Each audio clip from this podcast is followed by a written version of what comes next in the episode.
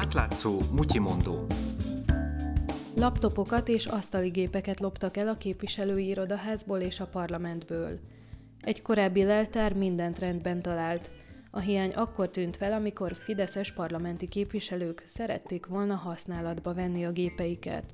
Üdvözlöm Önöket, Lé Marietta vagyok. Ezek vadonatúj laptopok voltak, és igen, a képviselők munkáját segítették volna. Hogy pontosan a Fidesz mely tagjairól van szó, azt, azt nem tudjuk. Az átlátszó beszámolója szerint a lopással egy parlamenti raktáros gyanúsítanak. Csikász Brigittát, az átlátszó újságíróját hallják. Két helyszínről van szó. Az egyik a képviselői irodaház, ahonnan a Fidesz frakciónak a laptopjai tűntek el, illetve a parlament, ahonnan asztali számítógépek nagy mennyiségben, összesen 74 gépről van szó, és mellette még 5 darab monitorról. A parlamentben volt a leltár, valamikor tavaly októberben, akkor minden teljesen rendbe találtak, akkor ez a mintegy 80 számítógép és monitor együtt senkinek nem hiányzott, vagy nem tűnt fel legalábbis, hogy lenne hiány, és ekkora. A lopással egy szemét vádolnak, azonban itt több tucat számítógép ellopásáról van szó. Ezeken később az interneten egy orgazda próbált továbbadni. Nagyon furcsa lenne, hogyha ő egyesével kicipelte volna, és az nem tűnt fel senkinek az ellenőrzésen, illetve befelé van csak ellenőrzés, akkor is a csomagokat világítják át, kifelé viszont nem kell átesniük semmiféle ilyen vizsgálaton. Az ország legjobban őrzött épületeiről beszélünk. A parlamentben 2013-ban létrehozták az országgyűlési őrséget is 370 emberrel.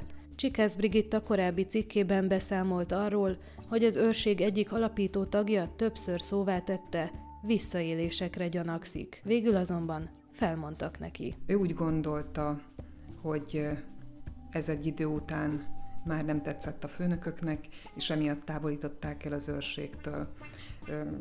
Számos dolgot felhozott, és a, nem csak nekünk, hanem az ügyészségnek is feljelentést tett minden esetre úgy látta a hatóság, hogy nem történt semmiféle bűncselekmény azokban az ügyekben, amiket ő feltárni vélt. Az országgyűlési őrség korábbi ügye azért is érdekes, mert ők az illetékesek a lopási ügy vizsgálatában is. Azt tudná megmutatni, hogy mi az, ami a rendszerben nem jó, amit máshogy kéne csinálni, akár megváltoztatni, vagy akár még egy biztonsági fokozatot beiktatni,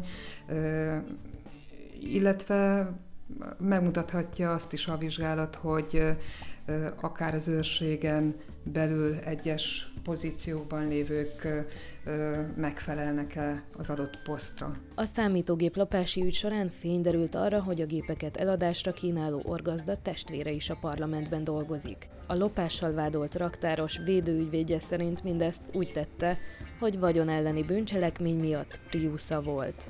Ezt az ügyvédtől tudjuk, ezzel kapcsolatban semmivel nincs több információ, illetve nyilván ez valahol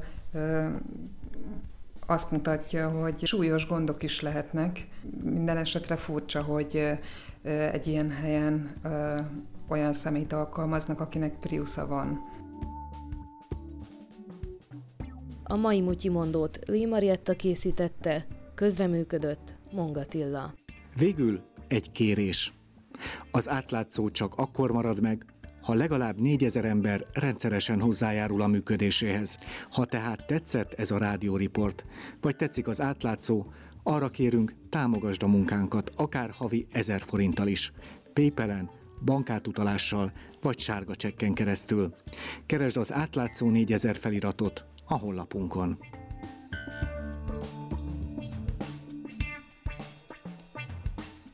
További érdekességek a Mutyimondó napi e-mail hírlevelében, amelyre az átlátszó internetes oldalán lehet feliratkozni.